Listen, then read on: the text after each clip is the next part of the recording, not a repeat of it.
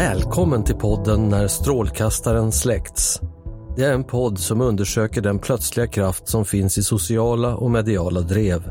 Om hur uppmärksamheten påverkade individen som plötsligt råkade befinna sig mitt i skottlinjen. Vi tittar på hur personen och händelsen beskrivits i media och ur den drabbades synvinkel. Men också genom att prata med andra inblandade. Kristdemokraterna utesluter Joakim Gam som leder partiet i Danderyd.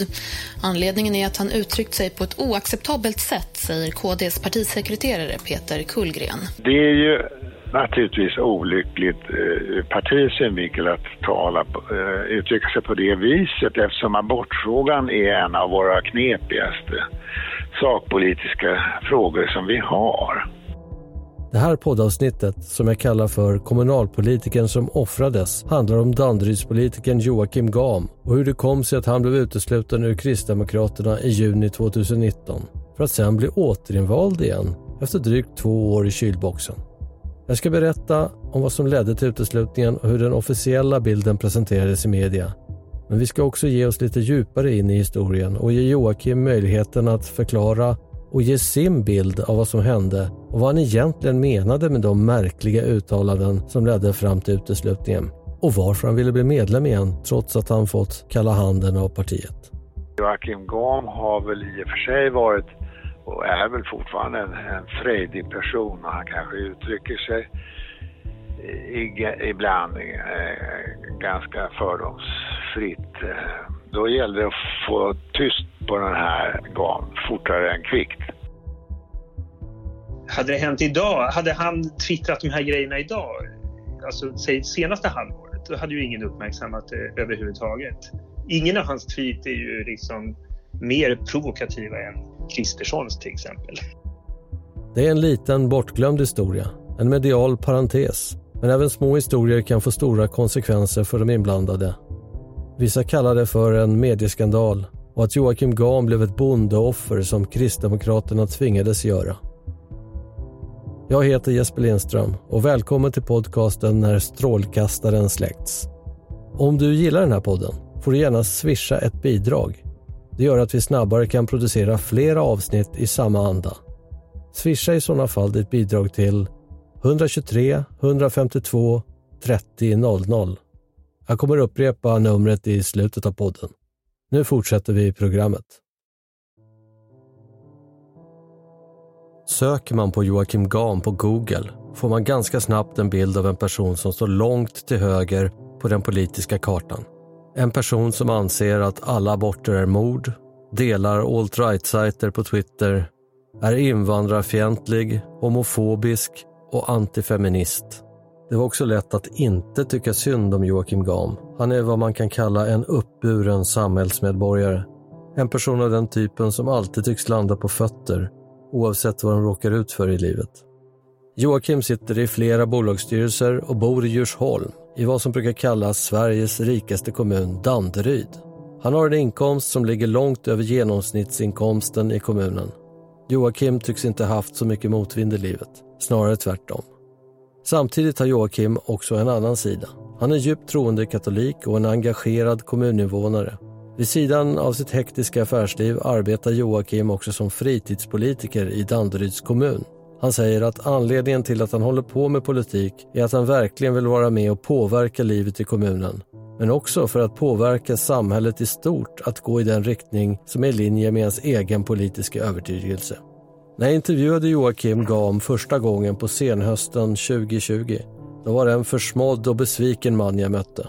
Trots att det var över ett år sedan uteslutningen och stormen i media. Han tyckte att han hade blivit utsatt för ett drev som lett till att han blivit utesluten på felaktiga grunder. Dessutom hade hans heder fått sig en gruvlig törn av historien. Joakim berättade att han ville försöka bli medlem i Kristdemokraterna igen och på det sättet återupprätta sin heder. Hösten 2021, efter två år i kylan utanför partiet, blir Joakim åter invald som medlem i Kristdemokraterna igen. Något som är mycket ovanligt. Vad var det som hände egentligen? För att ta reda på det måste vi backa bandet lite. Ja, eh, varmt välkomna ska ni vara till den här pressträffen. Vi som står här tillsammans idag, eh, vi är beredda att eh, ta ansvar för att Sverige ska kunna styras och beslutet av de eh, samtalen det är en blocköverskridande överenskommelse som vi kallar för decemberöverenskommelsen. Och den gör att Sverige kan regeras eh, också i ett nytt politiskt läge. Det är den 27 december 2014. Sverige står inför en regeringskris. Riksdagsvalet tidigare på hösten blev jämnt, inget block har absolut majoritet och Sverigedemokraterna befinner sig i en vågmästarroll. De hotar fälla budgetförslaget från Stefan Löfvens minoritetsregering. Vi hör ett utdrag från TV4 där Sverigedemokraternas Jimmy Åkesson har presskonferens. Vi kommer inte att stödja någon annan statsminister som inte på något sätt är beredd att samtala med oss eller förhandla med oss.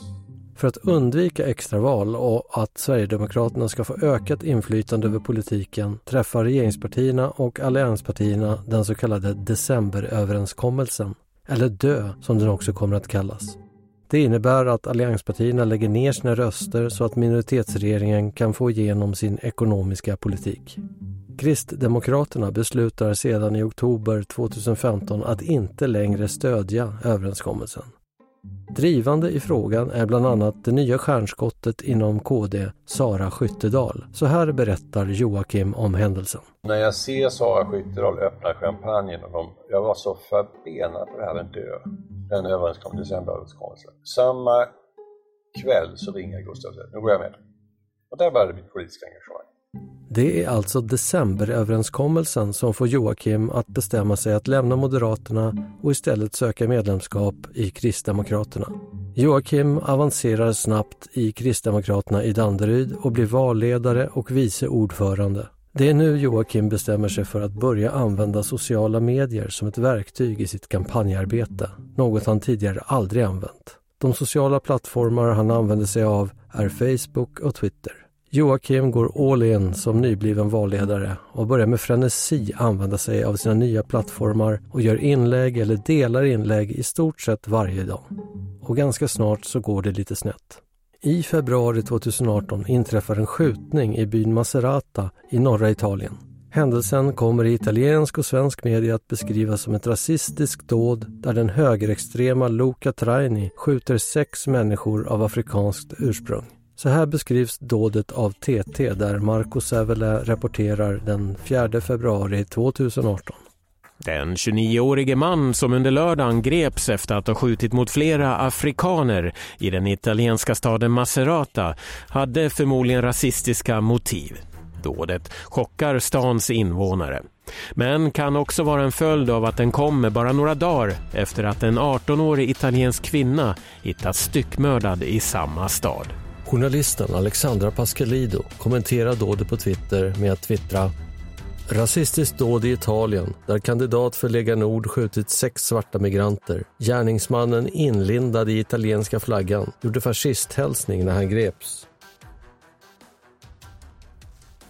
Joakim kommenterar hennes tweet med citat Glöm inte att det var en hämnd för ett mord som en svart man utförde tidigare i veckan. Det nämndes inte av Rapport. Hämnddåd är rätt beteckning, inte rasistdåd. Därefter sker ytterligare ett kort meningsutbyte på Twitter mellan Joakim och Alexandra Pascalido, där Alexandra får sista ordet. Ordväxlingen uppmärksammas av tidskriften Aktuellt Fokus och lokaltidningen Mitt i. I samband med detta retweetar också några personer kommentarsutväxlingen till KD Riks Kristdemokraternas officiella Twitterkonto och även direkt till Ebba Buschs Twitterkonto. Joakim får kritik för att han förminskar dådet och Joakims mening når både en bred publik bland Pascalidos cirka 40 000 följare men också troligen partiledningen. Joakim hamnar åter i media under augusti 2018 Inför valrörelsen kommer styrelsen i KD Danderyd på idén om att införa ett tak för det antal migranter kommunen ska tillåta. Man låter trycka upp valaffischer med devisen “Nu räcker det!” punkt. Migranttak! utropstecken. Det uppkommer en diskussion om vems ansikte man ska ha på valaffischen och efter lite debatt väljer Joakim att fronta åsikten med sitt eget ansikte. Och det lustiga är att det inte ens min idé det där migranttak utan det är en kille som det var han som föreslog det. Så tyckte, ja, tyckte vi alla i studion. Det var jävla bra. Eh, men när vi väl skulle sätta upp skyltar vem, vem skulle de sätta, vems, vems nuna skulle stå där? Ah, vågar ingen säga, sätt, sätt min Nuna på det där. Jag får väl ta smällen om det kommer. någon. Sen började det hända saker. Valaffischen snappas upp av olika medier och Kristdemokraterna måste kommentera saken. Vi hör Kristdemokraternas länsordförande Maria Fält uttala sig om saken i P4 Stockholm. Det här är ju inte partiets politik att gå ut och säga att nu räcker det och vi ska ha ett migranttak. Alltså det är ingen politik vi för. Utan det här är någonting som Danderydspolitikerna inom Kristdemokraterna tycker ska gälla i just den kommunen. Men oavsett om man tycker det eller inte så är det ändå partiets politik som måste genomsyra alla lokalavdelningar eller alla kommuner. Det här är ingen anledning till att inte kunna vara kandidat eller vara medlem eller sådär.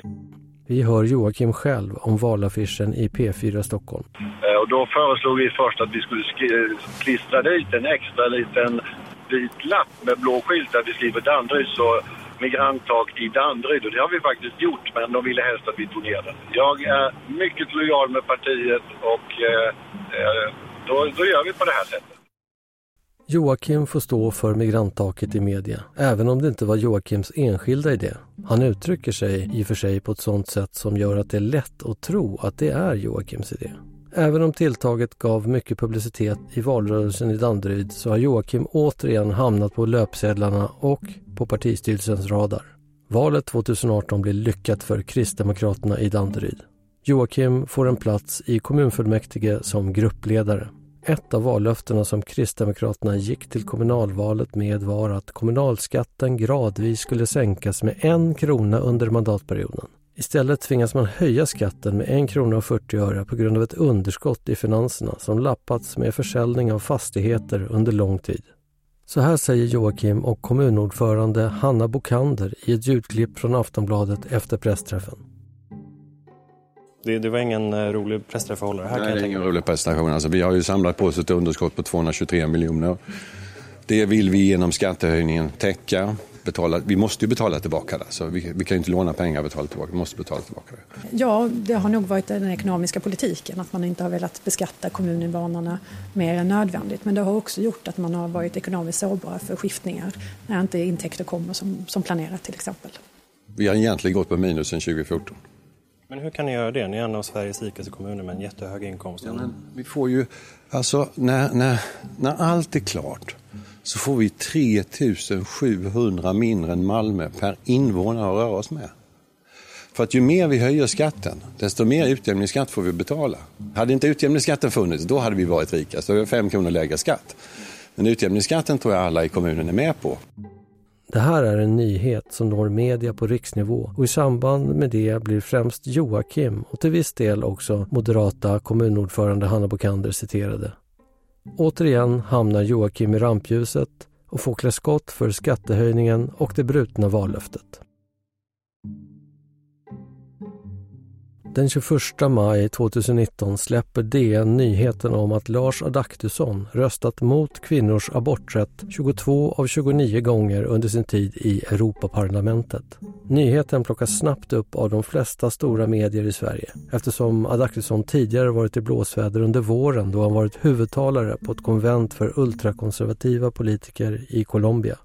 Vi hör Sveriges Televisions Love Benig sammanfatta vad som hänt. Ja, det, det handlar ju om eh, alla de gånger som Europaparlamentet på något sätt har eh, behandlat eh, skrivningar som handlar om, om aborträtten. Man har granskat alla, alla de fallen, som sorterat bort vissa men, men eh, där till exempel man inte kan se hur, hur de olika parlamentarikerna har röstat. Och så har man vaskat fram dem där man kan se så här har de enskilda parlamentarikerna röstat. Och så har man då kommit fram till att i 22 av de här 29 fallen så har Lars Adaktusson röstat nej till olika typer av uttalanden som berör eh, aborträtten. Inte ens Sverigedemokraterna har röstat nej så många gånger som, som Lars Adaktusson har gjort. Så det, det, är verkligen skillnad här hur han har agerat och eh, hur, hur, partiets linje är till exempel i, i, i riksdagen. I de uppföljande opinionsundersökningarna som görs någon vecka efter att nyheten briserat visar det sig att Kristdemokraterna tappar nästan var tredje väljare. Abortfrågan kanske är den mest problematiska och besvärliga frågan för Kristdemokraterna. En fråga fylld med politiskt sprängstoff som kan sänka partiet. Kristdemokraternas hållning är att alla kvinnor ska ha rätt till fri abort. I det nuvarande medicinsk-etiska programmet fastslås detta, även om det också sägs att partiet ska arbeta för att minska antalet aborter. Advokat Rolf Åbjörnsson, ålderman inom KD som varit medlem sedan 1989 och suttit i både riksdagen och partistyrelsen, sammanfattar hur denna fråga plågar partiet. För abortfrågan kan nästan sänka partiet och det var det som DN var ute efter. Det var ju en klar avsikt alltså att kunde man få det till att Adaktusson hade röstat emot abort så är ju det, ja det är tungt. Det skulle kunna, och det hade ju den effekten också. Partiets siffror sjönk ju dramatiskt efter det där. I samma veva som Adaktusson figurerar på löpsedlarna får Joakim en fråga från en av sina följare i en diskussionstråd på Facebook. Frågan gäller Joakims syn på Kristdemokraternas linje i abortfrågan. Joakim svarar så här. Jag har ständiga diskussioner med min biktfader. Min tro tillåter inga aborter. Alla aborter är mord. Jag skiljer till min biktfaders förtvivlan på politik och religion och det kanske låter fegt och hemskt. Jag accepterar KDs politiska ställningstagande i abortfrågan som ett i partiet demokratiskt fattat beslut som jag accepterar men aldrig kan ställa mig bakom. Den här delen i en längre Facebook-tråd snappas upp av tidningen Aktuellt i politiken som skriver en artikel med rubriken KD-toppen. Alla aborter är mord. I artikeln presenteras flera kontroversiella utdrag från Joakims tidigare inlägg på Facebook och Twitter. Artikeln får brett genomslag i riksmedia och det är främst uttalandet “alla aborter är mord” som citeras. Så här säger Rolf Åbjörnsson. Det är ju naturligtvis olyckligt eh, ur partiets synvinkel att tala, eh, uttrycka sig på det viset eftersom abortfrågan är en av våra knepigaste sakpolitiska frågor som vi har. Den 11 juni 2019 är det dags igen. Joakim citeras i tidningen Mitt i Danderyd angående frågan om kommunen ska hissa prideflaggan under Prideveckan i augusti 2019. Joakim meddelar att KD Danderyd säger nej till prideflaggning eftersom citat Pride är en vänstersekteristisk, odemokratisk organisation som står politiskt långt ifrån KDs värderingar. Två månader senare deltar Kristdemokraternas partiledare Ebba Busch i Prideparaden. Nu har Joakim uppmärksammats i pressen genom tre olika uttalanden under en period av tre veckor. Joakim har dessutom genom tidigare replikväxlingar på Facebook skaffat sig ett antal ovänner i Kristdemokraternas partistyrelse. Nu får de nog och blixtsammankallar ett styrelsemöte per telefon med två timmars varsel där man beslutar att utesluta Joakim från partiet. Två dagar senare briserar nyheten i riksmedia. Vi hör ett utdrag från Sveriges Radio, Ekot, den 14 juni. Kristdemokraterna utesluter Joakim Gam som leder partiet i Danderyd. Anledningen är att han uttryckt sig på ett oacceptabelt sätt, säger KDs partisekreterare Peter Kullgren han har uttryckt sig på ett sätt som inte är förenligt med hur man ska uttala sig som, som kristdemokrat. Eh, och eh, att han har i diskussioner mot partikamrater uttryckt sig på ett sätt som inte är acceptabelt inom vårt parti. Peter Kullgren vill inte gå in på vad Joakim Gam har sagt eller gjort. Men enligt tidningen Aktuellt i politiken ska han bland annat ha skrivit i sociala medier att alla aborter är mord och kallat feminister för genusfascister och genusrasister. Vi har haft dialog flera gånger om att, att språkbruket inte är acceptabelt och i eh, mars så fick Joakim Dam en, en varning att eh, det här beteendet inte är, är, acceptabelt och sen så har vi konstaterat att det har, eh, att det har upprepats och efter det har partistyrelsen tagit det här beslutet. Med buller och bång ända upp i riksmedia åker alltså Joakim ut ur Kristdemokraterna med öronen före. Det föregick som du hört av en massa olika uttalanden både i sociala medier men även i radio och tidningar. Vilket av allt det som Joakim sagt som gjorde att han blev utesluten, det går Peter Kullgren inte in på. Kanske var det en ackumulerad uttalandeskuld som byggts upp under tid. Eller gjorde Kristdemokraterna ett offer som var nödvändigt för att blidka opinionen i efterdyningarna av Lars Adaktusson-affären? Eller fanns det kanske även andra bakomliggande orsaker? Du har hört den första delen av kommunalrådet som offrades med mig, Jesper Lindström. I nästa avsnitt kommer du få höra Joakims version av historien. Om de journalister som skriver de här grejerna hade vetat, fått smaka på hur det känns att, att få din heder ifrågasatt och, och ditt, ditt, ditt lever borttaget från dig, då hade de inte skrivit det. Och varför han vill bli medlem igen? Sen så tycker jag att jag blev utesluten felaktigt. Och därför så vill jag gärna ha lite upprättelse och bli medlem igen. Men också vad andra inom partiet tycker om uteslutningen och få en glimt av spelet bakom ridån hos Kristdemokraterna. Det liksom är så att det skadar partiet och då, då, då, är det ju, då åker man ju på en uteslutning, så blir det ju. Det, det är nog en allmän, det är inte nog, det är en allmän uppfattning att partiledningen gjorde fel.